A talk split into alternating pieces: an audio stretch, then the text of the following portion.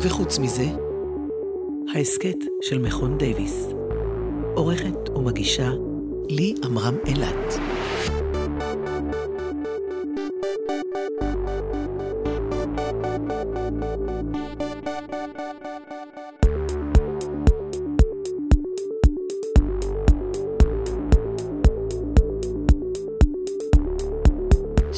לכם ולכן, תודה שהצטרפתם אלינו לעונה השנייה של וחוץ מזה, ההסכת של המכון ליחסים בינלאומיים על שם ליאונרד דייוויס באוניברסיטה העברית. בכל פרק אנחנו בוחנים ובוחנות נושא אחד משלוש זוויות אקדמיות שונות, כדי להעמיק בתוכן ולא להסתפק בכותרות. בפרק הנוכחי נשאל אם גם אתם מכירים אותה. קנצלרית גרמניה אנגלה מרקל, שסיסמת הבחירות שלה בעבר הייתה "אתם מכירים אותי", יורדת מהבמה הפוליטית אחרי 16 שנים ומשאירה לנו גרמניה ואיחוד אירופי מעט שונים. שגריר ישראל בגרמניה לשעבר, שמעון שטיין, שירת שם בראשית ימיה של מרקל, ידבר איתנו על גרמניה דרך עיני הקנצלרית. וכשמדברים על גרמניה באוזניים ישראליות, אי אפשר שלא להזכיר את היחסים המיוחדים כפי שהם מוגדרים בין שתי המדינות. הדוקטורנטית נועה סוויסה תרחיב על מחקרה בעניינם. דוקטור מאיה סיון צדקיהו תעניק לנו מבט רחב יותר על מדיניות החוץ של גרמניה בתוך האיחוד האירופי וגם מחוצה לו, ותתמקד איתנו גם באיחוד עצמו ובעתיד האינטגרציה האירופית לנוכח רצף השינויים ביבשת בתקופה האחרונה. לפני שנתחיל נספר לכם שבעונה השנייה נכלול גם פינה חדשה, שבה המאזינים והמאזינות, אתם, תוכלו לשלוח לנו שאלה מוקלטת בעקבות הפרק הקודם, שתזכה למענה ממומחה או ממומחית בתחום. אז כשאתם מאזינים ומאזינות, אם יש לכם שאלות, רשמו לכם אותן בצד ושילחו לנו אותן בהקלטה קולית לאחר מכן לעמוד הפייסבוק של The Leonard Davis Institute for International Relations. יאללה, שתהיה לנו עונה מהנה, מתחילים.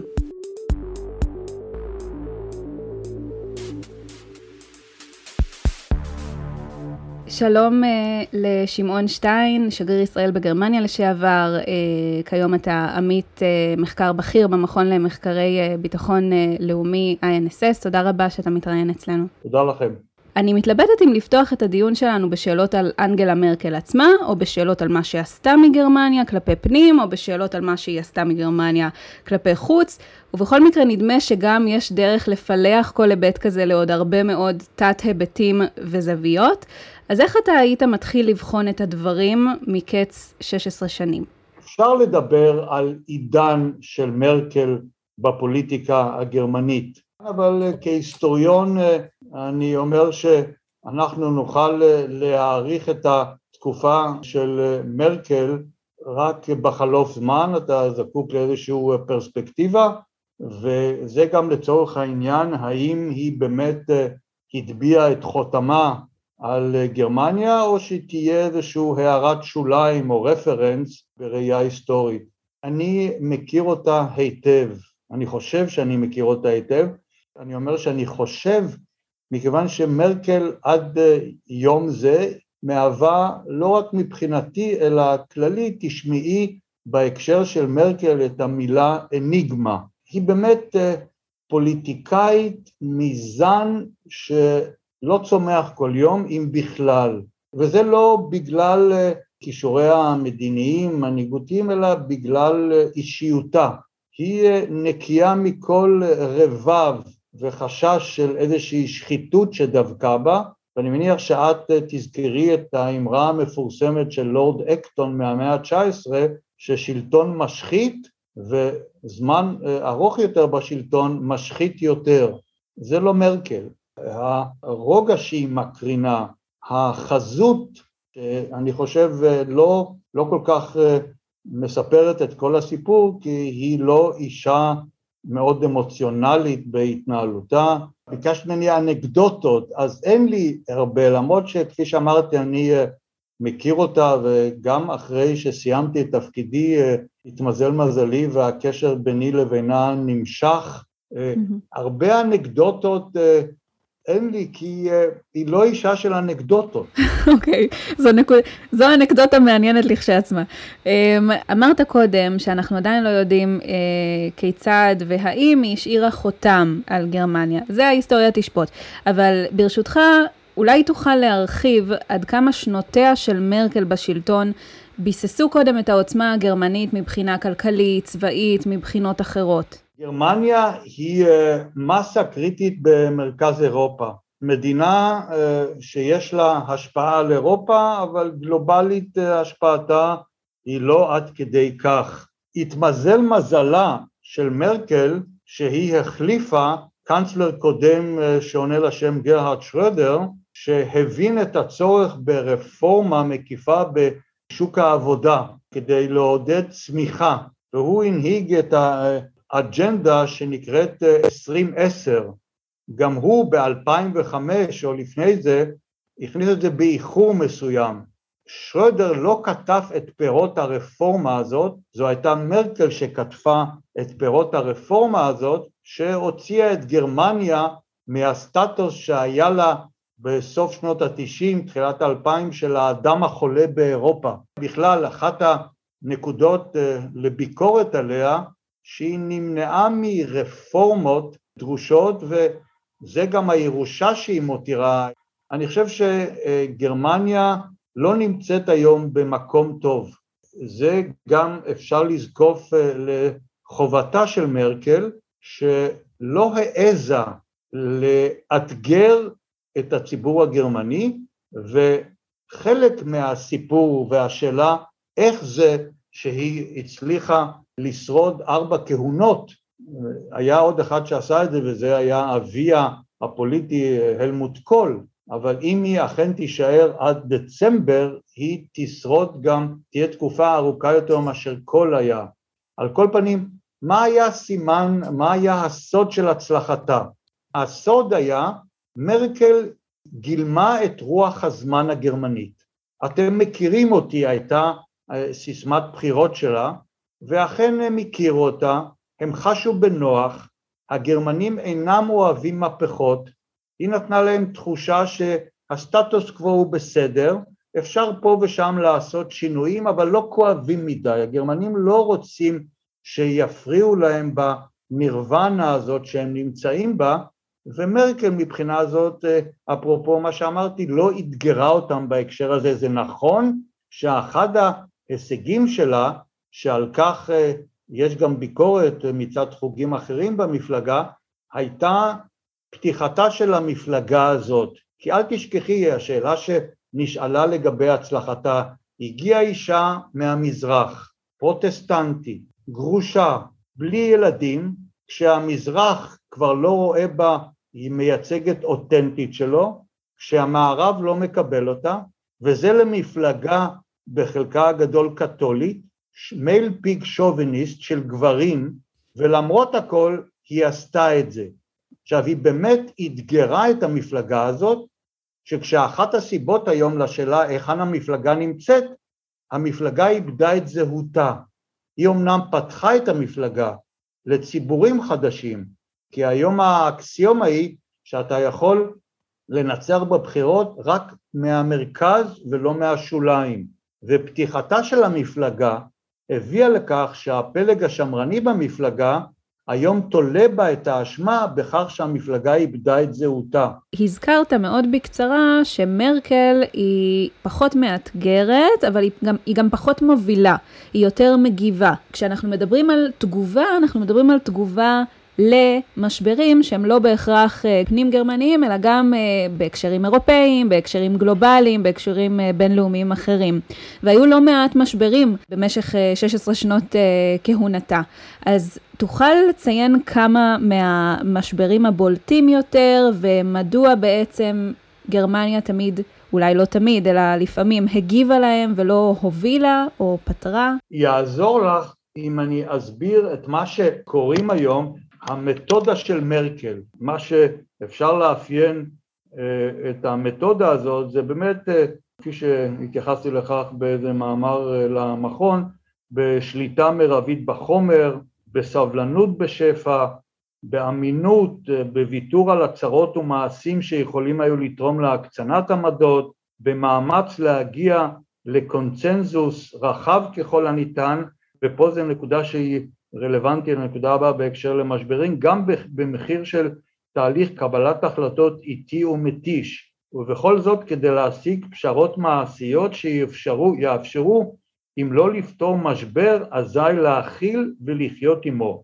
והמאפיינים הנוספים היו היעדר אסטרטגיה כוללת וחזון, mm-hmm. ואכן כשאת מסתכלת על המשברים שה, שהיא חוותה ב-16 השנים האלה, אלה היו אה, משברים גלובליים, משברים אירופאיים ומשברים פנים גרמניים שהיו פונקציה של שני המשברים הקודמים שעליהם דיברתי. היא אה, הייתה crisis managerין ו-not crisis resolver.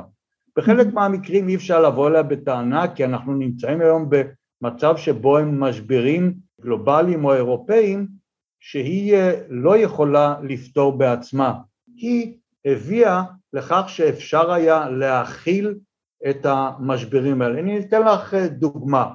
קחי את אה, משבר האוירו בעקבות המשבר הפיננסי של 2008 סביב הנושא של יוון. Mm-hmm. המשבר הפיננסי שאיים על עתיד גוש האירו, אז בהקשר הזה היא לא עשתה את הצעד המתבקש, נושא של איחוד המטבע הוא רק שלב בדרך לאיחוד פיסקלי ומוניטרי שהם שלבים בדרך לאיחוד הפוליטי. עכשיו, את יכולה להגיד שמשברים הם הזדמנות, ואני לא חושב שהיא ניצלה את המשברים האלה לצעד נוסף. תקחי את משבר הפליטים. Oh. משבר הפליטים דוגמה נוספת לכך שעשית הכלה ולא פתרון. גם היום אין לאיחוד האירופאי מדיניות הגירה משותפת. נושא אירופה מבחינתה של גרמניה הוא נושא פנימי, הוא לא נושא של מדיניות חוץ יותר, ולכן אתה צריך היום, ואת זה היא מזכירה חזור והזכר, אתה חייב לחפש פתרונות אירופאיים. אז גרמניה, מדינה מרכזית באיחוד האירופי, למרות כל הביקורת אה, שהשמעת ונשמעת עליה, אפשר לומר מעצמה בפני עצמה, מבחינת היחסים שלה עם מדינות אחרות מחוץ לאיחוד האירופי, מעצמות, אה, ארצות הברית, סין שבדרך להיות מעצמה, אה, רוסיה לשעבר מעצמה, יש לגרמניה של מרקל דינמיקה מאוד מעניינת. תוכל להרחיב בהקשר של שלוש המדינות שהוזכרו? כן, צריך לזכור אה, שתי נקודות בהקשר של גרמניה-רוסיה, היסטוריה וגיאוגרפיה, ומעבר לכך יש את הריאל פוליטיק, כלומר אה, הצורך אה, להתמודד כרגע בהקשר של מרקל עם רוסיה של פוטין. אבל מבחינת גרמניה יש כאן כבדהו וחשדהו וגם ניצול אינטרסים במקומות מסוימים, כמו למשל שיתוף פעולה בנושאים אה, של אה, צינורות גז, לעומת אה, ביקורת מאוד נחרצת כלפי פוטין כשצריך אותה. תראי, בצד ההיסטוריה והגיאוגרפיה, אם ניקח את מרקל, ב-2014 בעקבות סיפוח קרים והפלישה למזרח אוקראינה, הייתה זו מרקל שהובילה את הסנקציות האירופאיות נגד רוסיה. כלומר, מחד, יש פה את מרקל כאדם אה, שהוא מאוד ער לנושא הזה שגרמניה חיה ממנו, וזה ה-rule of law הבינלאומי, זאת גרמניה של המולטילטרליזם, זאת גרמניה של מרקל שגם סוגיית זכויות האדם משמשת אה, איזשהו תפקיד, אם כי בביקור שלה, בפגישה עם המכון, היא שהשמיע הערה מעניינת לגבי הצורך בקליברציה בין זכויות אדם לאינטרסים. בפגישה עם המכון, מכון ה-INSS, רק נאמר, המכון שאתה עובד בו. כן, אה, על כל פנים, יש את החשדהו ויש את הכבדהו, ובעיקר יש את הצורך, כפי שאמרתי, אה, מבחינה היסטורית וגיאוגרפית, לקחת את הנושא הזה של רוסיה לצורך העניין, כי היא עדיין מהווה איום, איך לטפל בו זה גם פונקציה של אה, הפרטנר בצד הרוסי-סובייטי. אפשר למצוא את זה גם ביחסים של גרמניה מול סין, ומרקל חוזרת ואומרת שסין ועלייתה זו בעיה. גרמניה ב-16 שנות מרקל יצרה תלות לא בריאה בסין, מבחינת היקף ההשקעות והקשרים הכלכליים שקיימים בין שתי המדינות. מבחינת מרקל, בגלל אותה תלות של הכלכלה הגרמנית בסין, המימד הכלכלי די הכתיב את התנהלותה מול סין, כשלמשל המושגים החדשים שנכנסו בגרמניה ובאיחוד האירופאי לאפיון היחסים עם, ה, עם סין של קומפטיטור, partner ו systemic rival. זה היום הטרמינולוגיה של האיחוד האירופאי שעשה כברת דרך בהכרה שבעצם יש לך היום עסק עם שותף שהוא, כמו שאמרתי, הוא גם שותף, הוא גם בר תחרות והוא גם systemic rival. מרקל לא לגמרי קונה את זה עדיין, היא מאוד מאוכזבת מכך שבסיום תפקידה היא לא הצליחה להביא את האיחוד האירופאי לחתום על הסכם ההשקעות עם סין שעליו היא עבדה שבע שנים בגלל ההתנהלות של סין בהונג קונג מול האויגורים וטיוואן כמובן, הפרלמנט האירופי החליט לא לאשר את ההסכם הזה. והיא גם אה, בשיחה עם ה-INSS אה, נתנה ביטוי להתלבטות שלה איך אתה מיישב בין אינטרסים ביטחוניים לאינטרסים כלכליים בהתנהלות מוסיל, והיא אמרה שהחשיבה שלה בנושא טרם הסתיימה. לגבי ארצות הברית, היא מאוד פרו-אטלנטיסטית, היא אה, מאוד קשורה לארצות הברית, אני חושב שכשהיא נכנסה לתפקיד, וזה צריך לזכור למרות שזה כבר נראה שנות דור, היא ירשה מערכת יחסים עכורה בין גרמניה תחת הקאנצלר שקדם לה ושרדר, כי אם תזכרי, בהקשר של המלחמה בעיראק, הגרמנים היו אלה שלא הצטרפו לקואליציה. בהקשר של הפלישה לאפגניסטן, אפרופו אל-קאעידה, הוא כן הסכים, כך שאני חושב ש... מרקל מכירה בחשיבות של המערכת היחסים הטרנס-אטלנטיים, במרכזיותה של ארצות הברית לצורך ייצוב אירופה, בכך שהביטחון הגרמני הוא גם קשור בנוכחות האמריקאית, גם בכל סוגיית ההרתעה הגרעינית שהולכת להיות נושא בעייתי בגרמניה על רקע הקואליציה אה, המזדמנת, כך שאני חושב שבהמשך עלה בידה לשפר את היחסים עם בוש, הבן שהפך לחבר קרוב שלה, היא שיפרה את היחסים למרות ההתחלה הבעייתית עם ברק אובמה, ואז בא באמת השבר בתקופת טראמפ, ומרקל כדרכה הבינה שלמרות הכל היא צריכה להמשיך ולשמר את מערכת היחסים, כי יש גם חיים אחרי טראמפ, אני חושב שטראמפ עם כל החולאים שלו גם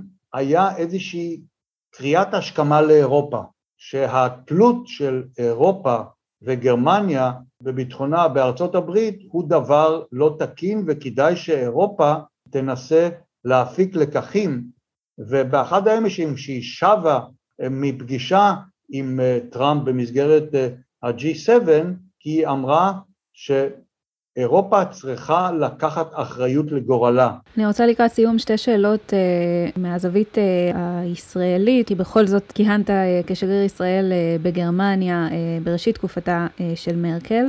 מרקל לאורך uh, שנות uh, כהונתה uh, נוטה להזכיר את העניין הפלסטיני ואת החשיבות uh, לשאיפה uh, לפתרון, אבל למיטב זיכרוני, ואני לא כיהנתי כשגרירה בגרמניה. עדיין לא. אמ, עדיין לא. אמ, גרמניה לא מצווה את עצמה כמתווכת בסיפור הזה, גם בתקופות אה, שבהן היה ואקום של תיווך, למשל כשהאמריקנים אה, פחות פעלו בנושא. למה בעצם? זו שאלה אחת. ושאלה שנייה, איזושהי מילה מבחינתך כשגריר ישראל לשעבר על היחסים שלה או של גרמניה שלה עם ישראל לאורך השנים. יחסה של מרקל, כפי שהיא גם אמרה, היא התוודתה לישראל ולהיסטוריה של העם היהודי בשלב מאוחר בחייה, רק אחרי האיחוד, ורואה בזה לא כחובה, אלא כחלק מאיזושהי הפנמה של אותה מחויבות שהיא חשה כרגע, וגם מבחינה זאת גם אותה התבטאות נדירה בפוליטיקה הגרמנית על בהקשר של ביטחונה של ישראל כחלק מתבונת המדינה, ולא כפי שאנחנו, אני שומע, אומרים כחלק מהאינטרס הביטחוני, זה לא זה, כי תבונת מדינה, רזון דתה, זה משהו אחר שלא ניכנס אליו, אני רואה בו משמעות סימבולית לכך שהיא פחות או יותר מעלה את הנושא של המחויבות לרמה אחרת מהרמה שהקנצלרים שקדמו לה העלו אותה, ואני חושב שכפי שהיא אמרה, ביטחון ישראל הוא לא נתון למשא ומתן, ואני חושב שהיא מצאה יותר מדרך אחת כדי להביע את זה במה שנוגע לתרומה לכושר ההרתעה הישראלי באופן די משמעותי, ראה הנושא של הצוללות. כך שהקשר שלה לישראל הוא קשר אותנטי. חלומו של כל שגריר. אני חושב שכן, וזה מביא לשאלה הבאה שלך, אני חושב שגרמניה עשתה כל, כלומר נענתה לבקשות ישראל בתחום ההומניטרי, תיווכה באופן לא פורמלי בגלל הקשרים שהיו לה עם מדינות וארגוני טרור שלישראל לא היה ונעזרה בשירותים הגרמניים, גם ניסתה לתווך אבל גרמניה לא תפסה ולא התיימרה וגם לא תתיימר לתפוס את מקומה של ארצות הברית כמתווכת. גם ארצות הברית היא לא מתווך הוגן. גרמניה לא כל שכן, כי גרמניה רואה את עצמה כחלק מהאיחוד האירופאי, והאיחוד האירופאי והסכסוך זה סיפור עצוב, כי האיחוד האירופאי הוא לא רלוונטי היום מבחינת הסכסוך. מרקל, אם לסיים בהקשר הפלסטיני, התייחסה לנושא בזווית המעניינת שלה, שבו היא אומרת, אני דואגת לעתידה של ישראל בהקשר להיותה מדינה יהודית ודמוקרטית.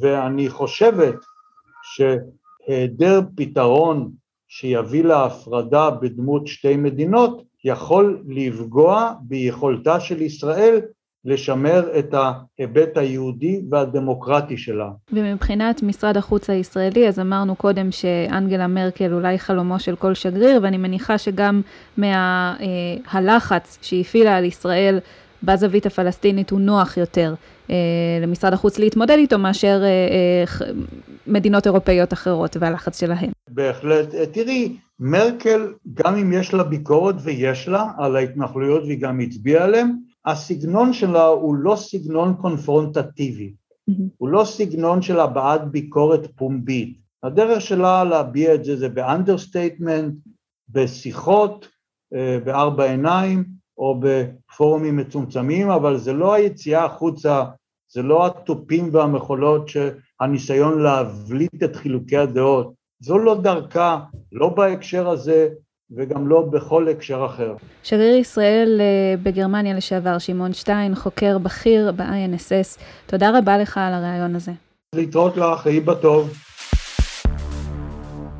שלום אה, דוקטור אה, מאיה סיון צדקיהו, מרצה ללימודי אירופה בפורום אירופה שבאוניברסיטה העברית, גם ללימודי האיחוד האירופי באוניברסיטת תל אביב, מנהלת תוכנית יחסי ישראל-אירופה במכון מתווים. שלום, תודה רבה לך.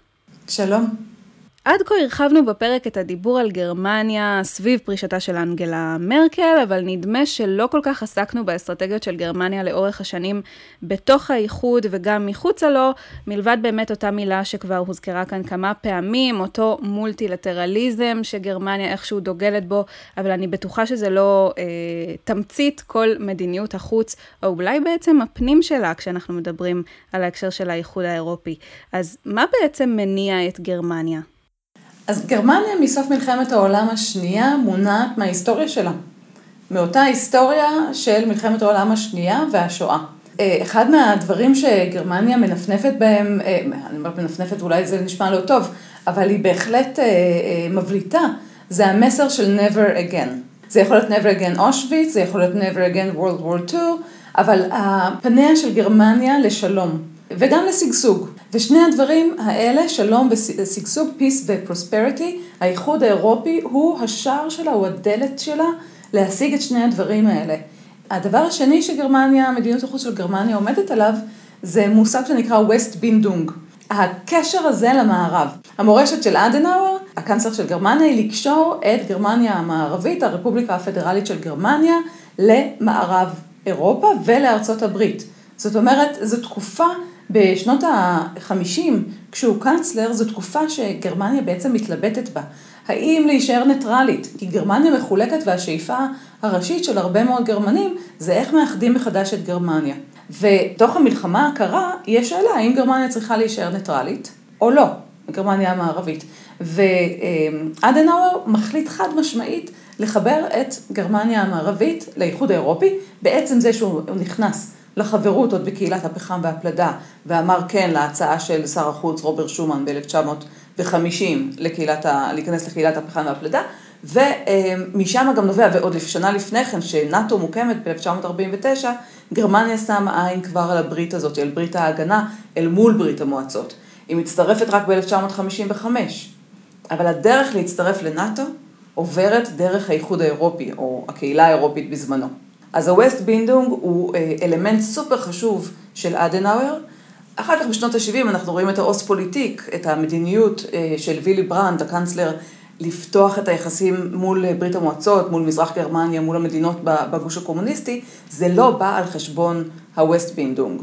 כשגרמניה מעוגנת היטב בתוך המערב, בתוך הבריתות, בתוך הארגונים הבינלאומיים וכמובן בתוך הקהילה האירופית, אז היא מעיזה גם לפתוח, בעצם היא הופכת מין איזשהו שער ופותחת דלת לצוהר, למזרח. למזרח אירופה. זה עדיין מה שמניע אותה היום? כלומר, לשמור על שני האפיקים האלה, וזה עובר דרך האיחוד האירופי? אמ, אני לא בטוחה. אני לא הייתי ממסגרת את זה בצורה הזאתי. כי היום, שוב, המלחמה הקרה הסתיימה, גרמניה יוצאת בצד המנצח, כל המערב, אבל קץ ההיסטוריה לא הגיע של פרנסיס פוקויאמה, יש לנו את פוטין. היחסים בין, בין אנגלה מרקל לפוטין, שניהם שליטים שנשארו הרבה מאוד זמן בתפקיד במקביל אחד לשני, הם לא יחסי ידידות וקרבה, ואנגלה מרקל מצד אחד היא כן מנסה להתקרב לרוסיה ו... אמ, עושה את מה שיש כאלה שמגדירים בתור הטעות האסטרטגית שלה, שזה לאשר את הנורדסטרים או להמשיך עם הנורדסטרים, צינור הגז אה, אה, שמוביל גז מרוסיה לאזור גרמניה, ובעצם להמשיך או להגן אפילו, להעמיק את התלות של גרמניה ושל אירופה בגז הרוסי, אבל זה לא אותם יחסים. גרמניה פה דווקא מגיעה גם מעמדה של אה, כוח מסוים, בגלל העיגון שלה בתוך האיחוד האירופי. עכשיו, אם רגע אני חוזרת לשאלה הקודמת שלך, העוגן המרכזי של מדיניות החוץ הגרמנית הוא האיחוד האירופי. ולכן מולטיל, מולטילטרליזם הוא מילה שמאוד מאפיינת את מדיניות החוץ הגרמנית, אבל היא עוטפת כמה יסודות מאוד מאוד מרכזיים שהם נמצאים בליבה. והליבה מתגבשת גם בשנות התשעים, כשהאיחוד האירופי מוסיף את מדיניות החוץ והביטחון שלו, באמנת מסטריכט, לפני כן, בשנות ה-70, האיחוד האירופי התחיל לדבר על מדיניות חוץ אה, משותפת, סליחה, מתואמת, לא משותפת אלא מתואמת, European Political Cooperation. אה, אם מצליחים, מגיעים לאיזושהי הצהרה, מוציאים הצהרה משותפת, ואם לא, לא. ב-1992 באמנת מסטריכט יש עיגון של מנגנונים של קבלת החלטות, וההחלטות האלה מחייבות את המדינות שהחליטו עליהן, ומתחילה לצאת לדרך מדיניות החוץ והביטחון של האיחוד האירופי. ואז העוגן הוא הרבה יותר אה, באמנות ממש של האיחוד האירופי, וגרמניה מתעלת את מדיניות החוץ, את רוב מדיניות החוץ שלה דרך האיחוד האירופי.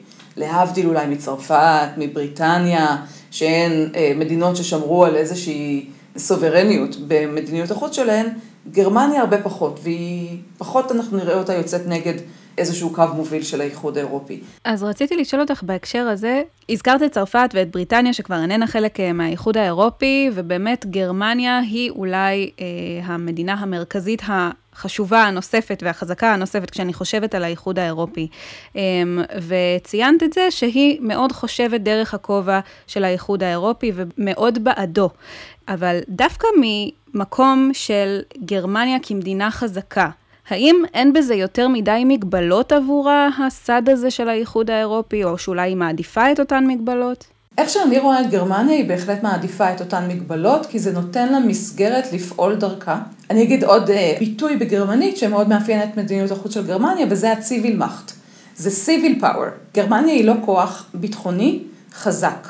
להבדיל מהצבאות של צרפת ושל בריטניה, הצבא הגרמני, א', הוא נוסד כצבא הגנתי בלבד, יש ניסיונות לשנות את זה תחת גרד שרדר בצורה מאוד עדינה, ואולי קצת בהמשך, אבל בסך הכל אה, הכוח של גרמניה הוא הכוח הכלכלי והכוח הדגל הנורמטיבי שהיא מנפנפת בו. מהבחינה הזאת היא מאוד מתאימה לאיחוד האירופי, כי גם האיחוד האירופי הוא כזה מין כוח אזרחי ולא כוח ביטחוני עם hard power. ואני חושבת שגרמניה מרגישה מאוד לא נוח לפעול בזירה הבינלאומית, בלי שיש לה את הגיבוי של האיחוד האירופי, שוב, בגלל ההיסטוריה. נטל ההיסטוריה כבד על גרמניה, אפילו במרחק של 75 שנים ממלחמת העולם השנייה. ולכן המולטילטרליזם שדיברתם עליו לפני כן, לכן הוא באמת מהותי, כי גרמניה כל הזמן מנסה לפעול ביחסים הבינלאומיים במדיניות החוץ שלה עם קואליציות של הסכמה. היא מגלה יותר ויותר מנהיגות בשני העשורים האחרונים, אבל זו מנהיגות מאוד מאוד מסויגת, גם בתוך האיחוד האירופי ובטח מחוץ לאיחוד האירופי. הרחבנו רבות את הדיבור על מרקל קודם, אז כיצד לדעתך תשפיע הירידה שלה באופן אישי מהבמה, וגם כיצד תשפיע תמונת המצב הסבוכה מהבחינה הפוליטית בתוך גרמניה, לא רק על גרמניה, אלא גם על האיחוד האירופי עצמו? אולף שולץ עתיד להיות הקאנצלר הבא של גרמניה, גם הוא פרו-אירופי מובהק. מבחינת האיחוד האירופי זה רק ייקח להם קצת זמן להעביר אותו, זאת אומרת הם מכירים אותו כשר אוצר, פרו-אירופי שוב, ולהבין איך הקואליציה שהוא מקים מתרגמת את עצמה לאג'נדה הפרו-אירופית. אז יש כמה עניינים שהם עדיין במחלוקת שם, מן הסתם, כל סיפור החוב המשותף, שאירופה לוקחת על עצמה בשם, בעצם הנציבות האירופית לובה חוב בשם כל המדינות החברות ביחד, ומלווה את זה בחזרה בתנאים מאוד טובים למדינות שחטפו מכה כלכלית קשה בזמן הקורונה. אז שם יש כמה חריקות, אבל בגדול, בקמפיין הבחירות בגרמניה, לא שמענו איזושהי אג'נדה אירופית מאוד ברורה. הם התעלמו מהנושא הזה בגדול. נושא ההגירה לא היה על סדר היום, כך שאנחנו לא לגמרי יודעים מה אולף שולץ הולך להביא איתו כקאנצלר לאיחוד האירופי. אבל אני די בטוחה שגרמניה, שוב, תנסה לעגן את עצמה כמדינה המובילה. מה היו היחסים שלו, של אולף שולץ עם עמנואל מקרון? נחכה ותראה, אבל אני לא רואה את המעמד של גרמניה משתנה, אם כי אולף שולץ נכנס כמובן לנעליים סופר גדולות. אנגלה מרקל נמצאת 16 שנה, עברה את כל המשברים בעשור האחרון באיחוד האירופי, הצליחה במנהיגות המאוד שלווה ורגועה ומחברת ומגשרת להוציא את אירופה מהרבה בוץ. ואני לא יודעת, אף אחד לא יודע, אני חושבת להגיד אם לאולף שולץ יש את התכונות האלה. שזו נקודה מעניינת מה שאת אומרת, כי בעצם את רותמת כאן מאפיינים באישיות גם של אנגלה מרקל, לתוך מה שנקרא האיחוד האירופי והדרך להסכמה ברוגע ובהדדיות. וזו נקודה מעניינת. אז דיברנו על הבחירות בגרמניה, אבל הן ממש לא השינוי היחיד באירופה, בטח לא בשבועות האחרונים. אפשר למנות את השבר הזמני ביחסי מקרון וארצות הברית לנוכח ברית ההגנה שנקראת אוקוס, שביטלה לצרפת למעשה עסקת צוללות. קאנצלר אוסטריה, סבסטיאן קורץ, פרש בעקבות פרשת שחיתות, פולין, כמעט אין יום או יומיים שבהם לא שומעים על הדרכים שבהן היא מנסה לאתגר בצורה מסוימת את הנורמות המקובלות באיחוד האירופי, ואפילו לא הגענו לדבר על מזרח אירופה, על נזקי הקורונה, מהברקסיט אמנם הזכרנו, אבל כמעט שכחנו, אז מעבר למשבר של המגפה עצמה, האם לדעתך כל השינויים האלה בעצם מעידים על סוג של משבר באינטגרציה האירופית, או שהגזמת? לא הגזמת, אבל אין פה איזה משבר עכשיו שהוא נורא בוער על סדר היום. כן, יש את הסוגיה הפולנית, בית המשפט החוקתי בפולין העביר איזושהי פסיקה שהחוק האירופי לא יכול לגבור על החוקה בפולין, וזו שאלה שנשאלה באיחוד האירופי הרבה שנים וניסו לחמוק ממנה. אז עכשיו הפולנים בעצם שמו את עצמם על מסלול התנגשות עם אחד העקרונות המכוננים של האיחוד האירופי, שהדין האירופי גובר כדי ליצור את האחדות בתוך המועדון הזה. אבל אם נסתכל על העשור, אפילו כבר יותר מהעשור האחרונים, אז כן, אירופה, משבר מלווה אותה אחרי משבר. יש לנו את המשבר הפיננסי ב-2008-2009, שיוון על סף פשיטת רגל ועוד מדינות. ואז אנגלה מרקל מראה את המנהיגות שלה בפעם הראשונה באמת, ומספקת את המנגנונים בתוך האיחוד האירופי, שייתנו חבילות סיוע לאותן מדינות, חבילות חילוץ, גם לאירלנד דרך אגב, וגם לפורטוגל ועוד מדינות.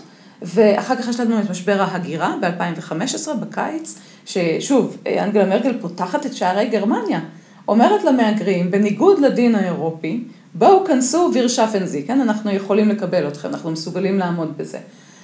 וזה הפרה של חוקי שנגן. ומשבר ההגירה הוא משבר שיצר אה, תגובת נגד פופוליסטית, הוא החריף את תגובת הנגד הפופוליסטית והיה כמו איזה מין אה, גשם לזרעים שכבר היו קיימים שם, ותנועת הפופוליסטים מתחזקת והאירוסקפטים, האנשים שביקורתיים כלפי תהליך האינטגרציה, גם הם מתחזקים. וב-2016 פתאום יש לנו ביוני את ההצבעה על ברקסיט ששולחת גלי הלם באיחוד האירופי, כי נכון שידעו שזה יהיה אה, הצבעה קרובה, אבל לא שיראו שהצד שרוצה לצאת יגבור על הצד שרוצה להישאר.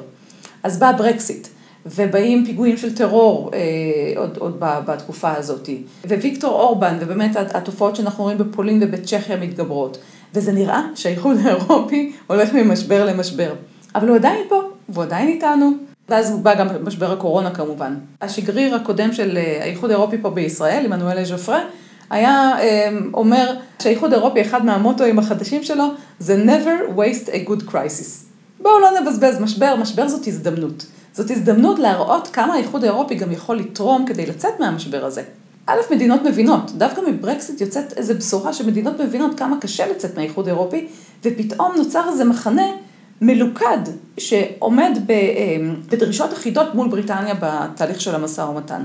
אז ברקסיט אפילו תורם קצת לאיזה גיבוש חברתי של המועדון שנשאר, ומכל משבר האיחוד האירופי ניזוק במידה מסוימת, אני ממש לא מבטלת את הנזק שכל המשברים האלו עשו, אבל האיחוד האירופי עצמו, במידה מסוימת, מוסדית לפחות, יש לו גם התחזקות, כי נגיד ממשבר הקורונה, הוא בונה סוכנויות והוא בונה יכולות שלא היו לו לפני כן בתחום הבריאות. אז התמונה היא, היא לא מאוזנת, אני לא יודעת להגיד אם היא מאוזנת, אבל כרגע על הפרק לא נמצא איזשהו משבר כל כך קריטי, אלא, ואני הולכת לתרחיש קיצון שאני לא חושבת שיתממש, אם למשל בבחירות בצרפת אה, מרין לפן תנצח. אז את אומרת שאת לא רואה את זה קורה, אבל רציתי בדיוק לשאול אותך בהקשר הזה, את חוקרת אינטגרציה של האיחוד האירופי בין היתר, ואמרת, הוא גוף אולי מהסבוכים, אה, מהייחודיים והסבוכים בעולם, אמ, ויש לנו דרך לנבא כחוקרים, כחוקרות, את העתיד של האינטגרציה? האם יש דרך לומר, הנה משבר אחד יותר מדי? אז אני אגיד ככה, א', בהחלט יכול לבוא המשבר הזה שהוא אחד יותר מדי. ואני אומרת את זה מתוך מקום שאני שנים אמרתי שהאיחוד האירופי מאוד חזק ו, אה, וקצת צחקתי על הכתבות באקונומיסט פעם בשנה ששואלות האם זה סופו של האיחוד האירופי. לגבי ניבוא ביחסים הבינלאומיים אני אה, לא אסתכן, אני לא חושבת שאת מוצאת הרבה אנשים שמוכנים להסתכן בהקשר הזה ולהגיד שיש להם כדור בדולח בידיים תיאורטי, אבל אני כן אשתמש ב... תיאוריה שנקראת פוסט-פונקציונליזם, שגארי מרקס וליסבט הוכה אה, כותבים עליהן, אה, על הפוסט-פונקציונליזם כבר מאז 2009, הם חושבים על זה עוד הרבה לפני כן כמובן, הם מסתכלים על דעת הקהל האירופית של האירופים לגבי תהליך האינטגרציה והם מתארים מאוד יפה שאירופה עוברת ממה שנקרא הצ'ק הפתוח, שניתן שאזרחים לא ממש היה אכפת להם מהאיחוד האירופי ולא ממש היה אכפת להם מה מנהיגים ומנהיגות עושים אה, בתהליך האינטגרציה ואיך הם מקדמים אותו. עד שהאיחוד האירופי נהיה איחוד הרבה יותר פוליטי באמנת מאסטריכט ואילך, ואז האיחוד האירופי הופך בעצמו לנושא פוליטי, עובר פוליטיזציה, ויש אז גם מוביליזציה של מפלגות, הן משתמשות בנושא הזה והופכות את זה לחלק מהמצע שלו, כי זה מתחיל כבר יותר לעניין בוחרים, ואז יש גם את המעבר הזה מהצ'ק הפתוח למחלוקת מרסנת. יש פה ויכוח, האיחוד האירופי הופך להיות אה, שנוי במחלוקת. בדעת הקהל האירופית. בהרבה מאוד מדינות אנחנו מתחילים לראות מפלגות מימין וגם קצת משמאל, אה, ולפעמים אפילו טיפונת במרכז, שמבדלות את עצמן ממפלגות אחרות בזה שהן מרימות איזשהו טיקט שהוא אנטי-אירופי. זה ככה על רגל אחת נשמעת כמו תיאוריה שאני יכולה להתאים להרבה דברים שהם אה, ככה יצורים חדשים בעולם, ואז פתאום הם קמים על יוצריהם בצורה מסוימת. יש משהו בתיאור שלך. אני לא יודעת להגיד אם האיחוד האירופי קם על, זאת אומרת, הוא בהחלט קם על יוצרו מבחינה מוסדית, הוא הרבה יותר אה, ממה שתכננו אותו בהתחלה ההוגים שלו. מצד שני, הוא כן עבר בעשור האחרון, אה, ויותר, אולי אפילו שני עשורים האחרונים, איזושהי דשדוש. אבל שוב, אחרי ברקסיט, פתאום בסקרי דעת קהל אנחנו רואים עלייה של תמיכה באיחוד האירופי. אז היום דווקא, בשנים האחרונות, האיחוד האירופי נמצא במקום מאוד טוב בסקרי דעת קהל של האזרחים האירופיות, האירופים והאירופיות. מי היה מאמין שתגידי את זה אחרי משבר הקורונה, בתור אחת שחקרה בדיוק את אזור חופש התנועה? אז אני אומרת, אמ, משבר הקורונה מראה מה אירופה יכולה לתת לך, ומה המחיר ש, שלא יהיו גבולות פתוחים.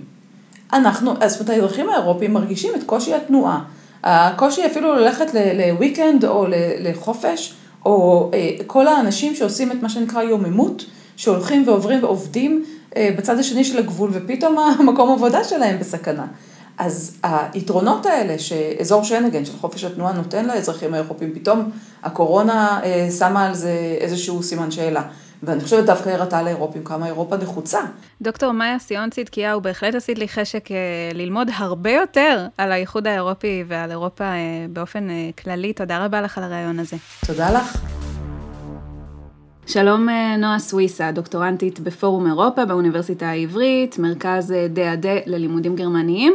נאמר את לקראת סוף הדוקטורט שלך, שבו את חוקרת את היחסים המיוחדים בין גרמניה וישראל. שלום. היי לי. הזמנו אותך כדי לדבר על ניסים ועל מה שמשמר אותם בחיים. מדוע היחסים בין גרמניה וישראל מוגדרים נס, על ידי מי הם מוגדרים ככה? אמ, אז קודם כל היחסים האלה הם אה, מאוד יוצאי דופן בזירה הבינלאומית, הם מבוססים על באמת משהו שאפשר לקרוא לו נס, ומרקל באמת כינתה את זה נס לא פעם בנאומים שלה אה, בישראל. מדובר בשתי מדינות שכוננו ביניהם יחסים, עוד לפני היחסים הדיפלומטיים, כנגד כל הסיכויים. מדינת ישראל השאירה מצב מלחמה עם גרמניה בשנים הראשונות אה, להקמתה, מצב גרמניה שהבריטים עוד הגדירו בתקופת המנדט.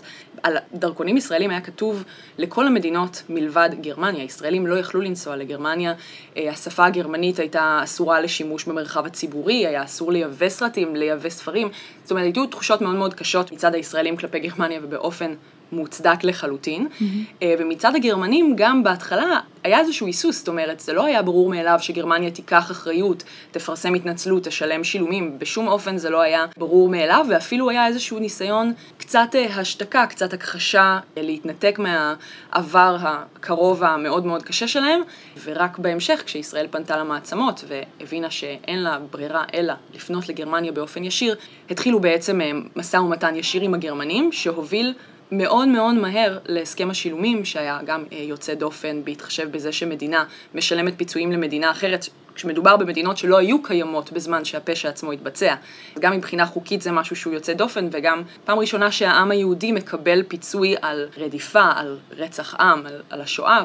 אז היחסים בין גרמניה וישראל הם בעצם נס בעצם זה שיש יחסים, אבל אנחנו לא עוצרים שם כי יש לנו יחסים מיוחדים, שזו אפילו דרגה גבוהה יותר. מה בעצם ההבדל כשאנחנו מדברים בין יחסים לבין יחסים מיוחדים לבין אה, יחסים אה, ייחודיים? אני קראתי שיש אה, unique, שככה תרגמתי אותו לייחודי, ושיש special, שככה אנחנו מגדירים את המיוחדים. נכון, זה מאוד מדויק, וזה גם אה, באמת חשוב הסמנטיקה הזאת, כי פוליטיקאים משתמשים המון במונח יחסים מיוחדים, והרבה פעמים הם בעצמם לא יודעים איך להסביר למה הם מתכוונים. הם משתמשים בזה כאיזשהו קומפלימנט, איזשהו אה, דרך לתאר יחסים קרובים. אבל אם אנחנו שנייה ניקח את זה למקום התיאורטי המסודר יותר, יחסים מיוחדים מתייחסים ליחסים בין שתי מדינות שיש בהם איזושהי העדפה.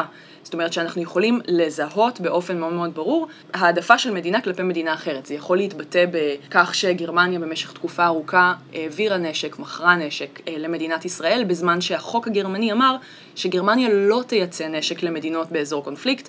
מיותר לציין שישראל נחשבה לאורך כל שנותיה אה, כמדינה באזור קונפליקט, וזה מתבטא גם בסכומים למשל שגרמניה העבירה לישראל כחלק מכספים של סיוע בעצם למדינות אה, מתפתחות, גם כשישראל יצאה מההגדרה של ה-OECD למדינה מתפתחת, המשיכה להעביר לישראל כסף.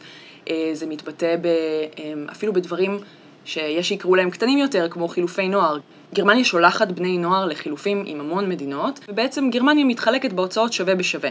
עם ישראל היא באופן אה, מסורתי מממנת אה, חלק משמעותי הרבה יותר, וגם אם מסתכלים על ההיקף של כמות הסטודנטים שנוסעים בין ישראל לגרמניה, גם לאורך האינתיפאדות שהיו כאן, זה, התוכנית הזאת המשיכה לקרות, שזה משהו מאוד יוצא דופן. ההיקף של התוכנית הוא, הוא במספרים הוא עצום, אם משווים אותו למה שיש לגרמניה עם אה, צרפת, או עם mm-hmm. מדינה עצומה כמו ארה"ב, אנחנו רואים שבאמת עם ישראל זה חשוב באופן שהוא יוצא דופן לגרמניה. אז בעצם אנחנו מדברות, אם לסכם את זה, על העדפה. זה מתבטא בכל התחומים, אה, במיוחד בין ישראל לגרמניה, בתחום הפוליטי של תמיכה אה, בישראל בגופים בינלאומיים, זה מתבטא בקשרים ביטחוניים בין המוסד ל-BND. ארגון הביון הגרמני. ארגון הביון הגרמני, בדיוק. אה, זה מתבטא בתרגיל המשותף האחרון שקרה בין הצבא הישראלי לצבא הגרמני. כלומר, זה גם עניין של תעדוף וגם עניין של היקף. בדיוק, נכון. אז זה מסביר לי מה ההבדל בין יחסים, יחסים, יחסים טובים, לבין יחסים מיוחדים. ומה העניין של היחסים הייחודיים? זאת שאלה מצוינת, כי בסופו של דבר, שוב, זה עניין של סמנטיקה. יחסים ייחודיים זה יחסים שהם אה, יוצאי דופן. משתמשים במונח הזה הרבה פעמים כדי לומר שיחסים בין שתי מדינות הם, הם יוצאי דופן, אבל בלי ההגדרה המדויקת של מה, יחס, מה, מה יוצא דופן, זאת אומרת, מה מיוחד. כלומר, זה יכול להיות ייחודי אולי לטוב ולרע, ובמיוחד זה כבר מיוחד מלשון אה, קרבה והעדפה. זה, זה התוכן שאנחנו יצקנו לסמנטיקה הזאת, או שזה לא יהיה מדויק? זה התוכן שאנחנו יצקנו, ולכן זה אף פעם לא יהיה מדויק. זאת אומרת, okay. אוקיי. השימוש במונח יחסים מיוחדים הוא די שרירותי. Mm-hmm. זה יכול להיות uh, יחסים יוצאי דופן, זה יכול להיות יחסים קרובים במיוחד, זה יכול להיות יחסים בילטרליים פנומנליים, זאת אומרת, אפשר להשתמש פה, אפשר להשתמש פה ממש בהמון אה, שמות אה, תואר לעניין הזה, אבל אה, זה היה צ'רצ'יל שכינה את יחסי ארצות הברית-אנגליה, יחסים מיוחדים, special relations, ובעצם הטמיע את, ה, את המטבע הלשון הזה, ומאז אנחנו משתמשים במונח הזה גם ליחסי אה, ארצות הברית-אנגליה עד היום, אבל גם אה, על... אה, יחסים בין מדינות אחרות. אז מתי היחסים צומחים למיוחדים, ומה בעצם הפאזל המחקרי שלך, איך הם, איך הם נשארים ככה? בדיוק, אז השאלה המרכזית שלי היא מהם המנגנונים שמאפשרים את ההמשכיות הזו. אה, עד 65, כשכוננו יחסים דיפלומטיים, התקופה הזאת נחקרה באופן מאוד מאוד אינטנסיבי בספרות, היא באמת תקופה מרתקת, אז זה לא מפתיע, אבל מה קורה מאז? זאת אומרת, בעיקר מה קורה מאז איחוד גרמניה? התנאים הגיאו-אסטרטגיים השתנו, המצב של שתי המדינות השתנה, גרמניה כבר לא צריכה את החותמת של ישראל אה, שתגיד שגרמניה היא מדינה שהיא אה, מוסרית, התחרתה, לקחה אחריות, שילמה שילומים, אין את הצורך הזה יותר. גרמניה כבר מבססת את עצמה כמעצמה כלכלית, כמובילה באיחוד האירופי. אז אם אנחנו מסתכלים שוב על ההגדרות של העדפה ושל אה, איזושהי קרבה בין שתי המדינות, מה בעצם גורם לזה להמשיך? מה מאפשר לזה להמשיך? וזה מעניין גם כי, שוב, יחסי ישראל-גרמניה הם תופעה מאוד אה, מעניינת כשלעצמה, אבל גם כדי להבין יחסים מיוחדים באופן כללי, ו... להבין איך משמרים, אם מדינה רוצה לשמר את היחסים המיוחדים האלה. אמ, אז לפני שנגיע לאיך אנחנו משמרים, נחזור ברשותך רגע אחורה לאותה תקופה שנחקרה כבר רבות, שבעצם מה היו המרכיבים המרכזיים? אנחנו מסתכלות מזווית יחב"לית כאן, של יחסים בינלאומיים, אז רבים מהחוקרים באמת מנסים למצוא האם שיקולי מוסר למשל הובילו את גרמניה, שזה מוסר זה ערך שהוא ליברלי, ברוח קונסטרוקטיביסטית יותר של הבניות חברתיות, או שאינטרסים בלבד, כלומר ברוח ריאליסטית יותר, הם אלה שהובילו את גרמניה באמת אה, לכונן את היחסים המיוחדים האלה כבר בשנים הראשונות. אז מה בעצם המניעים של גרמניה שהיו שם, אם תוכלי לפרט קצת? אם לסכם לך ככה גם את כל הספרות הענפה שנכתבה בנושא, אז אה, סיכמת את זה האמת בעצמך מאוד יפה. מדובר בשני הסברים שהם מקבילים אבל גם מתקיימים אה, באותו הזמן. אה, הסבר אחד זה אינטרסים, אך ורק אינטרסים. גרמניה ידעה שהיא צריכה את התמיכה של אה, ארצות הברית, אה, גרמניה רצתה להיראות ולהיתפס טוב מול ארצות הברית ומדינות המערב ולהתקבל שוב אל משפחת העמים, ולתת לישראל את ההתנצלות שהיא דרשה, לנהל משא ומתן, לשלם את, ה, את הסכם השילומים, הייתה דרך מאוד מאוד פרקטית ומאוד ברורה ומאוד out there, זאת אומרת משהו שהעולם יכל לראות, זאת סיבה אחת. סיבה שנייה שמוזכרת המון בספרות היא שיקולים מוסריים. בעצם אומרים שאדנאואר הייתה לו, היה לו תפקיד מאוד משמעותי בזה, זה גם עכשיו אה, קצת אה, טרנדי, אה, יצאו כמה ספרים על היחסים של אדנאואר ובן גוריון ואיך הם השפיעו על כינון היחסים, היחסים והיחסים המיוחדים. אה, ובעצם מוזכר רבות שאדנאואר ממש ציין שמדובר בחובה מוסרית של העם הגרמני, בכך שיש איזושהי אחריות כלפי ישראל בגלל מה שקרה. להגיד לך אם זאת הסיבה, אני לא חושבת שאפשר להוכיח את זה, בטח לא מרחוק. אני חושבת שיש פה איזשהו שילוב מאוד סימביוטי של השניים. לילי גרדנר פלדמן, שהיא הראשונה שבעצם יצרה איזושהי מסגרת תיאורטית מסודרת של יחסים מיוחדים, כשהיא בחנה את יחסי ישראל-גרמניה, אמרה שמדובר במשהו שהוא... אה, קצת הביצה והתרנגולת, זאת אומרת, היה לנו שם אינטרס, היה לנו שם איזושהי תחושת מוסריות, אבל הם היו מאוד קשורים אחד לשני. אז הם היו מאוד קשורים אחד לשני. ואז מגיעות שנות התשעים, ונופלת חומת ברלין, ונשאלת השאלה האם העניין הזה נמשך של יחסים מיוחדים ומה בעצם מניע אותו. נכון. אני חייבת לומר שהשאלה הזאת צצה לא מעט גם קודם, אבל אני בחרתי לבחון את התקופה של מנפילת החומה ובעצם איחוד גרמניה, כי מדובר בשינוי שהוא מאוד מאוד משמעותי, גם בזירה הבינלאומית, סיום המלחמה הקרה, הסיום של גרמניה כגורם מגשר בין מזרח למערב, האיחוד שלה שזה היה בעצם האינטרס העיקרי שלה, המטרת... אה, foreign policy uh, העיקרי של גרמניה. ובעצם, מה משמר אותם היום, את היחסים האלה? אנחנו הרבה פעמים נוטים ישר ללכת ל... אה, לעבר ולהיסטוריה ולאחריות ההיסטורית של גרמניה אה, כלפי ישראל. אבל מה שחשוב להבין זה שדיברנו על זה שיחסים מיוחדים הם מתבטאים בהעדפה.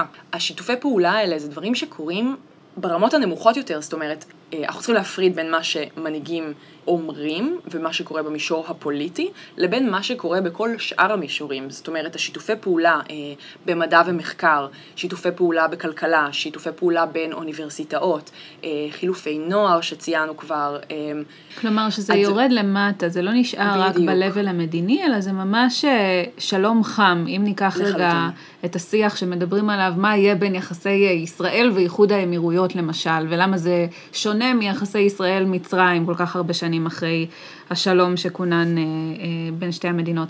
אז בעצם כל המרכיבים האלה, מה שמדברת, זה סוג של מנגנונים שמשמרים שהם כאן כדי להישאר, כלומר זה לא עומד להתפורר לשום מקום וזה כבר יצר תקדים חדש בשטח. נכון, בדיוק, אבל כמובן שהם כאן להישאר כל עוד המישור הפוליטי אה, לא נוגס בהם. זאת אומרת, אחת השאלות שעולות הכי הרבה בדיונים על הבחירות שקרו כרגע בגרמניה זה מה יקרה בעצם ברגע שמרקל אה, לא תהיה הקאנצלרית יותר, או מה יקרה אם הקואליציה אה, לא תכלול את הצד"ו כמו בשנים האחרונות. והדיון הזה הוא, הוא יש נטייה תמיד להזכיר שיחסי ישראל-גרמניה יישארו אותו הדבר, והכל בסדר. זאת אומרת, אה, זה לא ישפיע על הידידות, משתמשים כל הזמן על הידידות, על היחסים הייחודיים, על היחסים המיוחדים.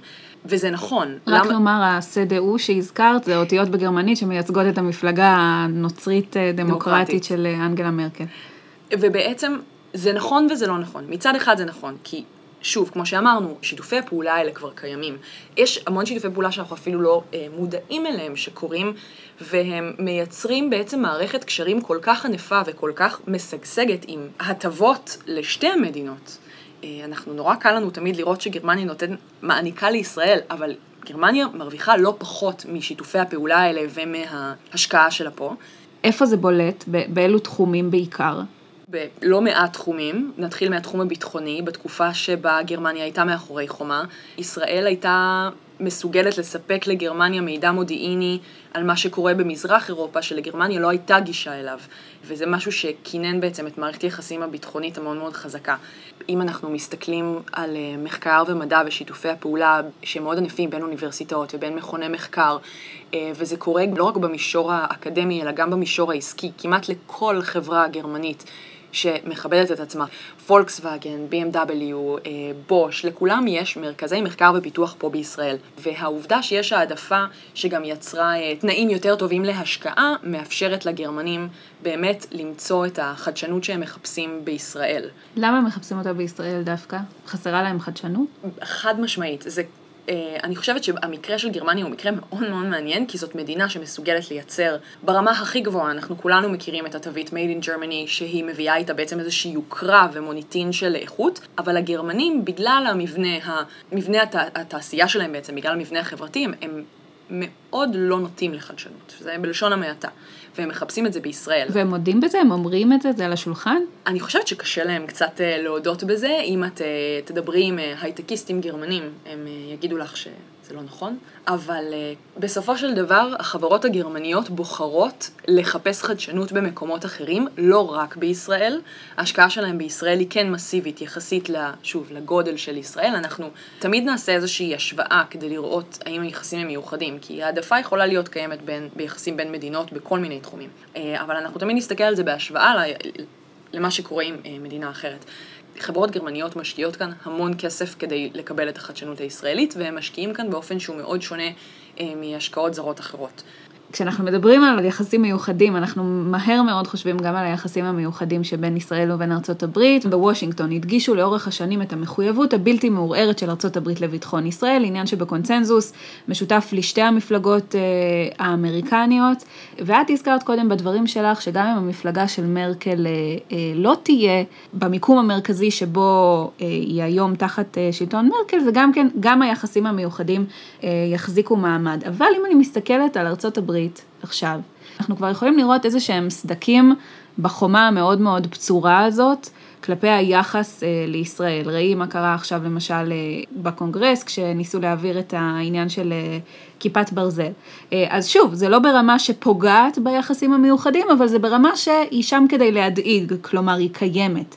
מה צפוי לעתיד היחסים המיוחדים בין גרמניה וישראל בתקופה שאחרי מרקל, והאם יכול להיות שיקרה מקרה דוגמת הניצנים בארצות הברית. אז את, התחלתי קודם לציין משהו בהקשר של זה, שאני חושבת שכל עוד המישור הפוליטי לא מחלחל למטה, שבמקרה של גרמניה וישראל אה, מדובר בעיקר ברצון של גרמניה להיות מעורבת בסכסוך הישראלי-פלסטיני, וגם בהשפעה של האיחוד האירופי ומדיניות החוץ האירופאית על גרמניה, כל עוד זה לא מחלחל למטה. למ... כלומר, זה לא נוגס במנגנונים שקיימים. בדיוק, כל עוד זה לא קורה, אנחנו, לדעתי, יכולים להיות אופטימיים ואנחנו נראה באמת שימור של מערכת היחסים המיוחדת הזאת. ייתכן שהאופי שלה ישתנה במובן שגרמניה לא תכריז הכרזות אה, מאוד נרגשות לגבי האחריות שלה כלפי ישראל, או לגבי אה, האחריות אה, לביטחון ולרווחתה של ישראל, ויכול להיות שאנחנו נשמע פחות רפרנסים אל העבר. אבל אני חייבת לציין רגע שהרצון של גרמניה להפסיק להתייחס אל העבר הוא מתחיל כבר בשנות ה-70, או אפילו לפני. עם כינון היחסים הדיפלומטיים ב-65. לזכור את העבר, אבל לא לזכור, לא, לא להשתמש בו כתירוץ כל הזמן. בדיוק. גרמניה כבר אז אומרת, אנחנו מנרמלים יחסים, אנחנו מסתכלים אל העתיד, אנחנו לא מסתכלים על העבר, אנחנו לא נשכח, אבל גם אין שום סיבה שזה מה שיוביל את מערכת היחסים שלנו. נועה סוויסה, דוקטורנטית אה, בפורום אה, אירופה באוניברסיטה העברית, יש לומר. תודה רבה, בהצלחה בהמשך הדוקטורט. תודה לך. וחוץ מזה, ההסכת של מכון דייוויס. עורכת ומגישה לי עמרם אילת.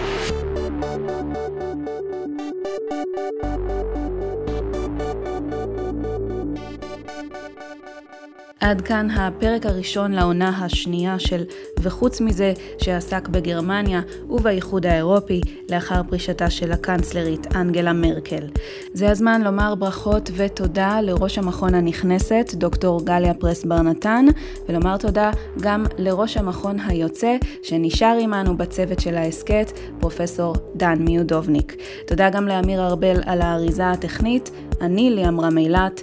נזכיר לכם שאתם מוזמנים ומוזמנות להקליט לנו שאלה ולשלוח אותה לעמוד הפייסבוק של The Leonard Davis Institute for International Relations דרך מסנג'ר, והשאלה אולי תשודר בפרק הבא ואף תקבל מענה. עד כאן, נשתמע.